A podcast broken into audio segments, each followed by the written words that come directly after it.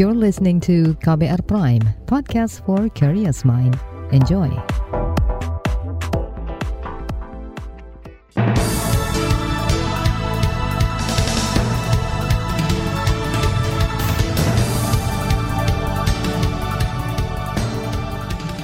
Selamat pagi saudara, senang sekali kami bisa menjumpai Anda kembali melalui program Buletin Pagi edisi Kamis 17 Februari 2022. Bersama saya, Naomi Liandra. Sejumlah informasi pilihan telah kami siapkan di antaranya DPR pilih anggota KPU dan Bawaslu periode 2022-2027. Buruh tuntut aturan JHT dicabut. Kasus Omikron di Papua terus bertambah. Inilah Buletin Pagi selengkapnya. Terbaru di Buletin Pagi. Komisi 2 DPR memilih tujuh calon anggota Komisi Pemilihan Umum KPU dan lima calon anggota Badan Pengawas Pemilu Bawaslu periode 2022-2027. Pemilihan dilakukan pada Kamis dini hari melalui musyawarah mufakat secara tertutup. Berikut tujuh nama calon anggota KPU terpilih yang disampaikan Ketua Komisi 2 DPR Ahmad Doli Kurnia. Nomor satu adalah Saudari Betty Epsilon Idrus, Nomor dua adalah Hashim Ashari. Nomor urut tiga adalah Muhammad Afifuddin. Nomor urut empat adalah Parsadan Harahap. Nomor urut lima adalah Yulianto Sudrajat. Nomor urut enam adalah Saudara Idam Holik. Nomor urutan tujuh adalah Saudara Agus Melas. Cadangannya adalah nomor 8 sampai 14. Nomor 8 adalah Saudara Firian. Kemudian nomor 9 adalah Saudari Iva Rosita. Nomor urut 10 Saudari Dahlia, nomor urut 11 Saudara I Dewa Kade W Rake Sandi, nomor urut 12 Saudara Iwan Rompo Bane, nomor urut 13 adalah Saudara Yesi Yati Momongan, dan nomor urut 14 adalah Muhammad Ali Syafaat. Apakah kita bisa setuju ya Pak Ibu sekalian? Calon anggota KPRI masa jalan 2027-2027 1 sampai 7 yang akan kita serahkan namanya kepada uh, pemerintah yang akan kita bawa nanti di paripurna dan 8 sampai 14 adalah nama-nama urutan cadangan. Setuju? Dari daftar tersebut hanya ada satu perwakilan dari perempuan, yakni Betty Epsilon Idrus. Itu artinya 30 persen keterwakilan perempuan tidak terpenuhi. Hal yang sama juga terjadi di daftar calon anggota Bawaslu terpilih. Hanya satu perempuan yang masuk, yakni Loli Suhenti. Berikut daftar lengkapnya. Pertama, Saudari Loli Suhenti. Kemudian yang kedua adalah Saudara Puadi. Yang ketiga adalah Rahmat Bagja. Yang keempat adalah Toto Haryono. Kemudian yang kelima adalah Saudara Herwin Jeffler H. Malonda. 1 sampai 5 ini adalah yang akan ditetapkan dan dilantik nanti menjadi anggota Bawaslu masa jabatan 2027 dan nomor 6 sampai 10 untuk cadangannya yang pertama adalah saudara Subair, nomor 7 adalah saudara Fritz Edward Siregar, nomor 8 adalah saudara Aditya Perdana, nomor 9 adalah saudara Mardiana Rusli, dan nomor 10 adalah saudari Andri Andi Tenri Sompa. Apakah kita bisa setuju Bapak Ibu sekalian? Ketua Komisi 2 DPR Ahmad Doli Kurnia menyatakan mekanisme musyawarah mufakat diputuskan setelah melalui perdebatan panjang. Politikus Partai Golkar ini mengklaim pemilihan didasari pertimbangan objektif seperti kualitas, integritas, kapasitas, pengalaman kepemiluan, hingga kreativitas dan inovasi. Meski begitu, Doli juga tidak menafikan adanya kepentingan politik masing-masing partai dan juga kepentingan politik bangsa dan negara. Perkumpulan untuk Pemilu dan Demokrasi Perludem menyatakan semestinya 30 persen keterwakilan perempuan di lembaga penyelenggara pemilu bisa terpenuhi. Peran perempuan sangat strategis untuk menciptakan pemilu inklusif, mulai dari melakukan sosialisasi untuk menarik pemilih perempuan, serta menciptakan ruang keadilan pemilu yang ramah perempuan. Hal itu diungkapkan Direktur Eksekutif Perludem, Hoirunisa Nur Agustiati. Hampir semua ya, baik yang perempuan calon KPU maupun perempuan calon Bawaslu itu kan mereka orang-orang yang sudah punya pengalaman sebagai penyelenggara pemilu di daerah. Bahkan ada yang sudah dua periode, ada yang pernah uh, jadi ketua, ada yang bahkan pernah jadi ketua di KPU di mana mereka uh, tugas dari sisi pengalaman mereka nggak kalah gitu ya, mereka uh, mampu menyelenggarakan pemilu dari sisi uh, kapasitas pun juga mampu gitu ya, track recordnya juga baik. Kemarin juga ketika uh, memaparkan ya visi misi mereka juga konkret gitu ya, dan ketika menjawab pun juga uh, lancar. Itu tadi Direktur Eksekutif Perludem Hoirunisa Nur Agustiati. Dari daftar anggota KPU dan Bawaslu terpilih, ada dua nama pertahanan yakni Hashim Asyari di KPU dan Rahmat Bagja di Bawaslu.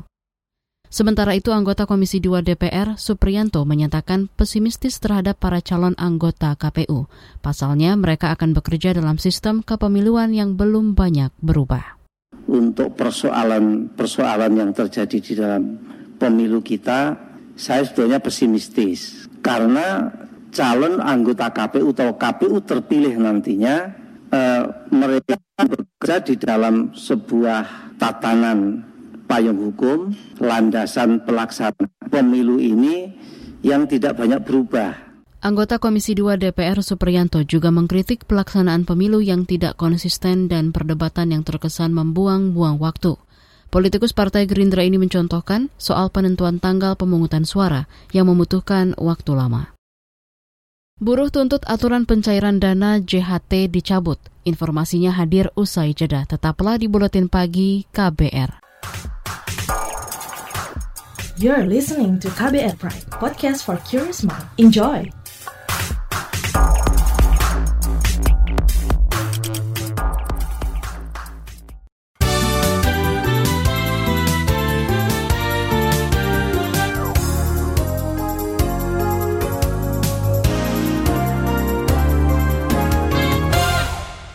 Anda sedang mendengarkan Buletin Pagi KBR. Data Satgas Penanganan COVID-19 mencatat jumlah kasus positif COVID-19 kemarin bertambah lebih dari 64 ribu, sedangkan pasien sembuh juga bertambah lebih dari 25 ribu orang. Tetapi pasien meninggal juga meningkat hingga 167 orang. Jawa Barat, DKI Jakarta, Banten, Jawa Timur, dan Jawa Tengah menjadi lima provinsi penyumbang kasus baru terbanyak. Sementara itu, Kementerian Kesehatan sejak kemarin memperluas layanan telemedicine atau konsultasi jarak jauh gratis. Kini pasien COVID-19 positif melalui tes antigen juga bisa menerima obat gratis sesudah melakukan konsultasi melalui 17 platform telemedicine yang tersedia. Menteri Ketenagakerjaan Ida Fauzia menampung tuntutan dari kelompok buruh untuk mencabut aturan baru pencairan dana jaminan hari tua. Ida kemarin sempat bertemu perwakilan Konfederasi Serikat Pekerja Indonesia KSPI yang menggelar unjuk rasa di Kemenaker. Menurut Dirjen Pembinaan Hubungan Industrial dan Jam Sostek Kementerian Ketenagakerjaan Indah Anggoro Putri, tuntutan itu sulit direalisasikan sebab aturan JHT akan berlaku Mei nanti atau tiga bulan sejak diundangkan. Dalam kurun waktu itu, pemerintah bakal melakukan sosialisasi aturan ke para pemangku kepentingan seperti buruh dan pengusaha. KSPI tadi menyampaikan minta dicabut, hari ini juga dicabut, itu memang berat ya. Karena dalam Permenaker 2 dikatakan ada waktu tiga bulan. Ya, jadi artinya Bu Menteri tadi sikapnya masih menampung, menerima, mencatat.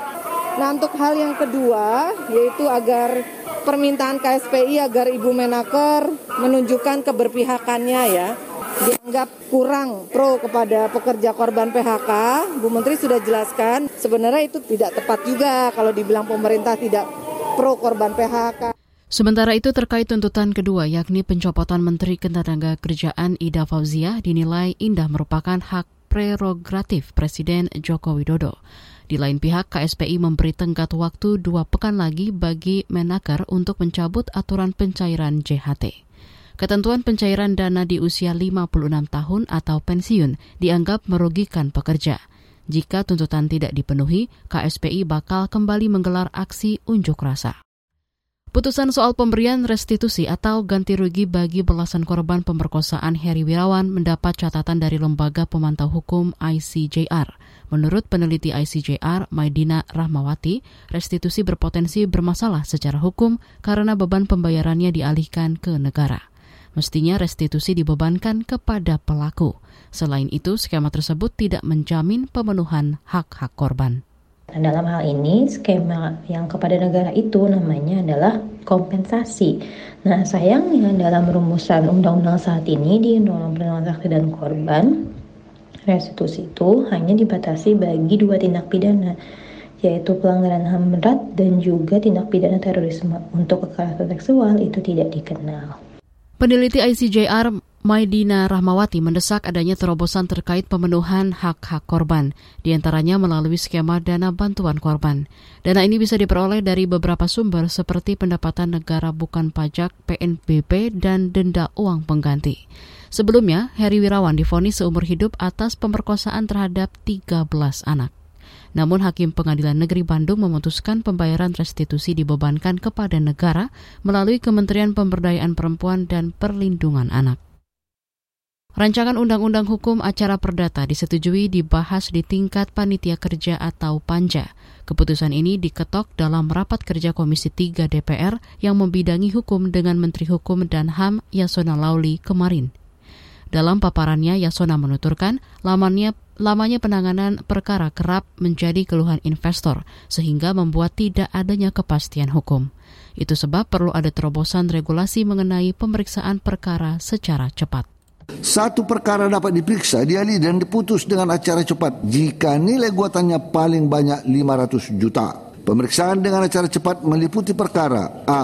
Utang piutang yang timbul berdasarkan perjanjian B. Kerusakan barang yang timbul berdasarkan perjanjian C. Cedera badan pribadi yang timbul berdasarkan perjanjian Dan D. Pembatalan perjanjian Pemeriksaan perkara dengan cara cepat, pembuktiannya dilakukan dengan cara pembuktian sederhana. Dalam pembuktian sederhana terhadap dalil gugatan yang diakui dan atau tidak dibantah oleh tergugat, tidak perlu dilakukan pembuktian.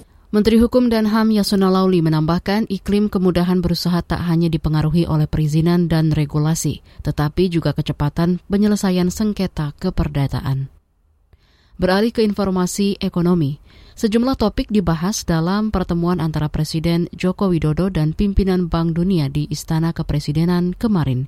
Di antaranya soal pandemi COVID-19, transisi energi, presidensi G20, hingga isu pemulihan ekonomi global. Informasi ini disampaikan Menteri Keuangan Sri Mulyani yang turut mendampingi Presiden dalam pertemuan itu. Bapak Presiden sangat uh, ingin bahwa pemulihan ekonomi dunia itu tidak terdisrupsi karena kenaikan harga, terutama harga pangan yang tentu akan sangat membeban, membebani masyarakat dan oleh karena itu perlu suatu kesepakatan global mengenai hal itu. Jadi nanti akan juga Bank Dunia memberikan beberapa uh, studi mereka mengenai uh, supply chains di bidang food dan juga dari sisi policy secara food security di dunia itu tentu akan membantu Indonesia juga untuk memposisikan polisi kita di dalam negeri. Itu tadi Menteri Keuangan Sri Mulyani. Selain Menteri Keuangan, Menteri Kemaritiman dan Investasi Luhut Panjaitan juga hadir dalam pertemuan itu. Kata dia, target emisi rendah karbon serta situasi kawasan terutama terkait demokrasi di Myanmar juga ikut dibahas. Ekonomi ditargetkan tumbuh 5,3 hingga 5,9 persen tahun depan. Menurut Menteri Koordinator Perekonomian Airlangga Hartarto, angka ini lebih tinggi dari target pertumbuhan tahun ini yang dipatok sebesar 5 hingga 5,5 persen. Nah dari sisi pertumbuhan ekonomi kisarannya di 5,3 sampai 5,9 persen. Dan dengan sumber pertumbuhan dari sisi pengeluaran ini konsumsi di sekitar 5 persen. Investasi di, meningkat sekitar 6 persen. Dan ini selevel dengan sebelum pandemi COVID dan ekspornya antara 6 sampai 7 persen. Menko Perekonomian Erlangga Hartarto menambahkan hilirisasi industri akan digenjot dengan memperhatikan permintaan global. Dari sisi belanja, pemerintah akan memprioritaskan peningkatan kualitas SDM, transformasi kesehatan, reformasi perlindungan sosial, infrastruktur, ekonomi hijau, hingga reformasi birokrasi. Kita ke informasi mancanegara. Situasi Ukraina saat ini dinilai relatif kondusif. Warga setempat terlihat tenang dan tidak ada tanda-tanda kepanikan, misalnya di pusat perbelanjaan maupun perbankan. Hal itu diungkapkan Direktur Perlindungan WNI Kementerian Luar Negeri Indonesia, Juda Nugraha. Kata dia, ada 138 WNI di Ukraina. Mereka dalam kondisi aman, sehat, dan tenang. Meski demikian, para WNI diminta tetap waspada dan terus memantau informasi resmi dari KBRI.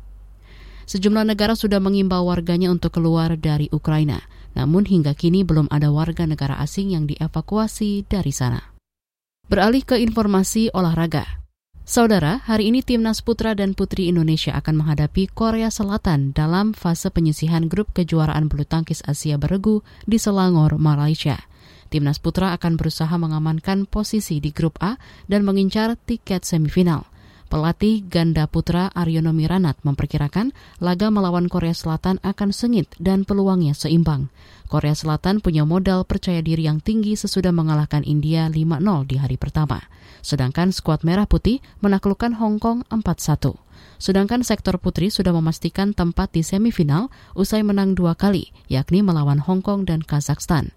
Laga melawan Korea hari ini untuk menentukan juara grup Z.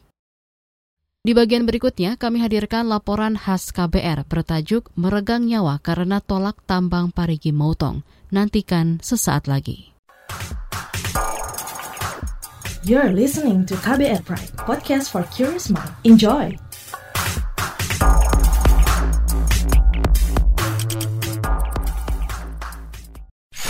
Commercial break. Commercial break. Sudah tahu yang satu ini. Sekarang kabar baru ada di playlist teman perjalananmu.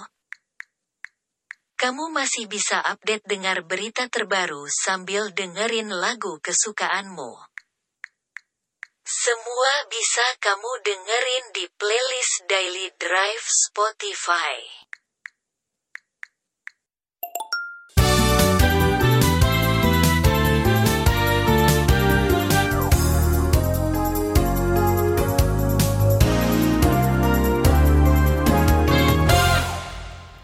Anda masih bersama kami di Buletin Pagi KBR. Aksi warga menolak pertambangan di Parigi Motong, Sulawesi Tengah memicu bentrokan dengan aparat. Akibatnya seorang warga tewas terkena peluru polisi. Bagaimana ini bisa terjadi? Berikut laporan khas KBR yang disusun Siti Sadida dibacakan Fitri Anggreni. Ervaldi meregang nyawa ketika mengikuti aksi menolak tambang PT Trio Kencana di Kabupaten Parigi Motong, Sulawesi Tengah. Dalam aksi yang digelar Sabtu malam lalu, Erval ditumbang dengan luka di punggung. Warga kecamatan Tinombo Selatan itu diduga tewas karena peluru polisi yang menembus punggung hingga dada. Peristiwa ini mengundang aksi solidaritas dari Aliansi Mahasiswa Sekota Palu di depan kantor Gubernur Sulawesi Tengah pada awal pekan ini. Mereka menuntut kasus penembakan diusut tuntas. Menanggapi tuntutan itu, Gubernur Sulawesi Tengah Rusdi Mastura menyerahkan penyelesaian kasus itu ke kepolisian. Turut berduka cita dan memberitahu saya memberikan bantuan dukungan kepada yang meninggal. Eh? Kemudian kepada Kapolda saya minta tolong diusut. Ya. ya. Tengah malam-malam, ada yang tembak, ada yang lain apa-apa ya. Oke, ini semua nanti ke depan. Jadi gini kita belum tahu. Eh? Rusdi mengklaim pemerintah daerah tidak bisa mencabut izin usaha pertambangan sebab wewenang pencabutan ada di kementerian atau pemerintah pusat. Kepala kampanye Jaringan Advokasi Tambang Jatam, Melki Nahar menilai, warga sebenarnya memahami wewenang Pemda tersebut, namun dia berkeyakinan bentrokan terjadi karena gubernur tidak responsif menyerap aspirasi warganya. Warga paham bahwa urusan pencabutan izin itu ada di Kementerian SDM. Tapi gubernur punya tanggung jawab juga untuk kemudian meneruskan apa yang menjadi aspirasi dan tuntutan warga gitu loh. Bukan justru membiarkan, bukan justru mengabaikan yang kemudian bisa mengambil tindakan gitu ya sampai kemudian terjadi kekerasan, terjadi intimidasi, kemudian ditangkap, kemudian ada satu orang yang tewas tertembak begitu. Menurut Melki, bentrokan warga dan aparat tidak akan terjadi jika proses perizinan tambang sebelumnya melibatkan warga dan gubernur menepati janji untuk duduk bersama mendengarkan tuntutan warga yang terjadi selama ini proses penerbitan izinnya terutama ketika status eksplorasinya dinaikkan menjadi operasi produksi pada tahun 2020 itu warga sama sekali tidak tahu menahu tidak pernah terlibat. Itulah yang kemudian membuat harga menentang sejak awal. Lalu yang kedua adalah Gubernur Sultan mau menepati janjinya kepada warga untuk bertemu mendengar dan menyampaikan apa yang menjadi aspirasi dari warga harga sehingga aspirasi mereka itu bisa didengar sekaligus bisa ditindaklanjuti ke Kementerian SDM. Melki menjelaskan penolakan tambang dilakukan warga karena hak hidup mereka terancam. Luas lahan konversi tambang PT Trio Kencana mencapai lebih dari 15.000 hektar. Mayoritas lahan itu mencaplok kawasan pertanian warga, terutama di Kecamatan Kasimbar, Kabupaten Parigi Motong. Ketua Komisi Nasional Hak Azazi Manusia Komnas HAM Perwakilan Sulawesi Tengah, Dedi Askari menyebut ada pelanggaran hak azazi manusia saat aparat membubarkan aksi warga tolak tambang hingga menewaskan satu orang pendemo. Dia meminta polisi transparan mengungkap kasus tewasnya Ervaldi. Membungkam kebebasan berkumpul, berserikat, dan mengeluarkan pendapat, apalagi dengan cara-cara kekerasan dan dengan moncong senjata itu adalah pelanggaran HAM luar biasa. Di lain pihak, Kepolisian Daerah Sulawesi Tengah menyebut proses hukum yang berjalan saat ini berada pada tahap penyidikan dengan pemeriksaan barang bukti untuk mencari tersangka penembakan. Juru bicara Polda Sulawesi Tengah Didik Supranoto mengatakan Polda telah memeriksa 17 personil polisi. Polda juga mengamankan barang bukti senjata api beserta proyektilnya dan menyerahkannya ke tim laboratorium forensik Polda Sulawesi Tengah untuk uji balistik. Dari kasus itu sudah dikeluarkan LP karena perbuatan pidananya sudah ada, yaitu adanya orang yang meninggal. Tetapi untuk tersangkanya masih dalam proses penyidikan. Salah satunya adalah menunggu uji balistik. Laporan ini disusun Siti Sadida. Saya Fitri Anggreni. Informasi dari berbagai daerah akan hadir usai jeda. Tetaplah bersama Buletin Pagi KBR. You're listening to KBR Pride, podcast for curious mind. Enjoy!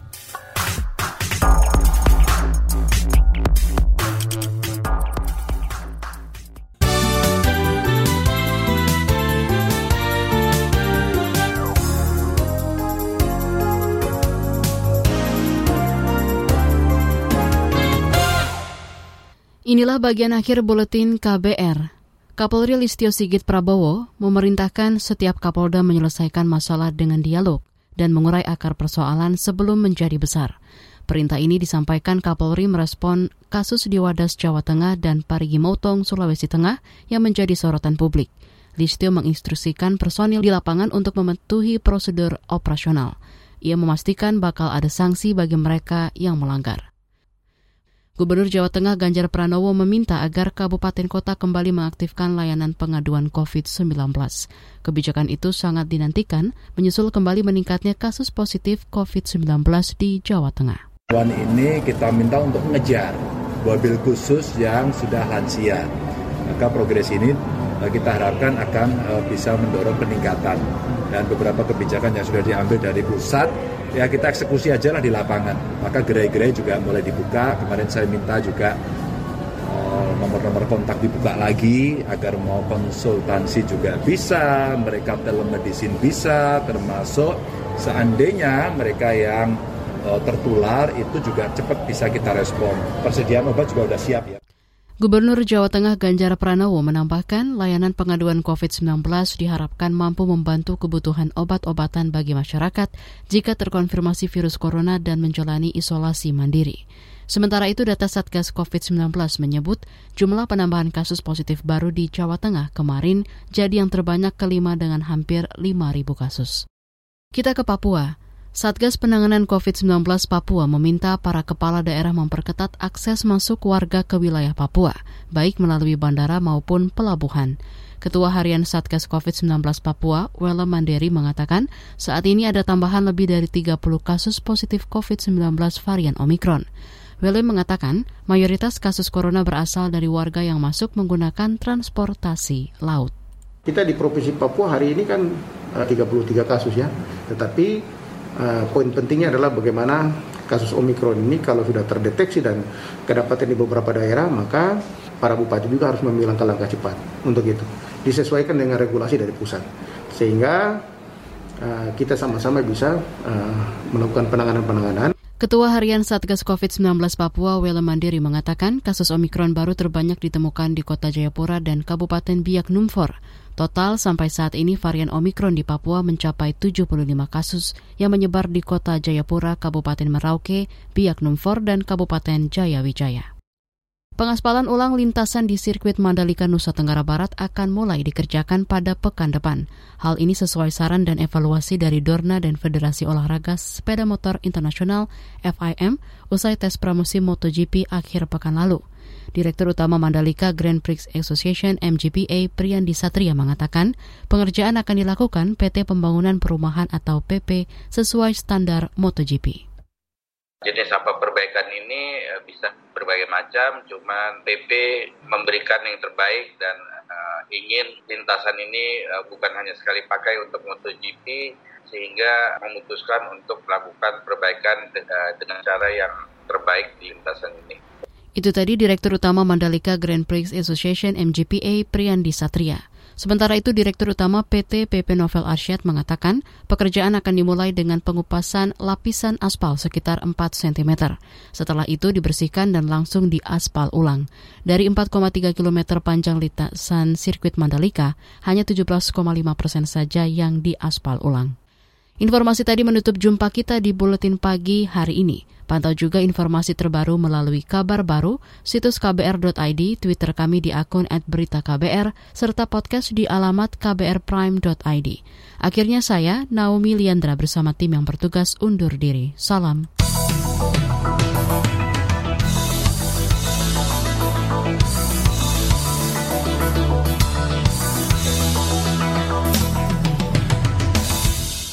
KBR Prime, cara asik mendengar berita. KBR Prime, podcast for curious mind.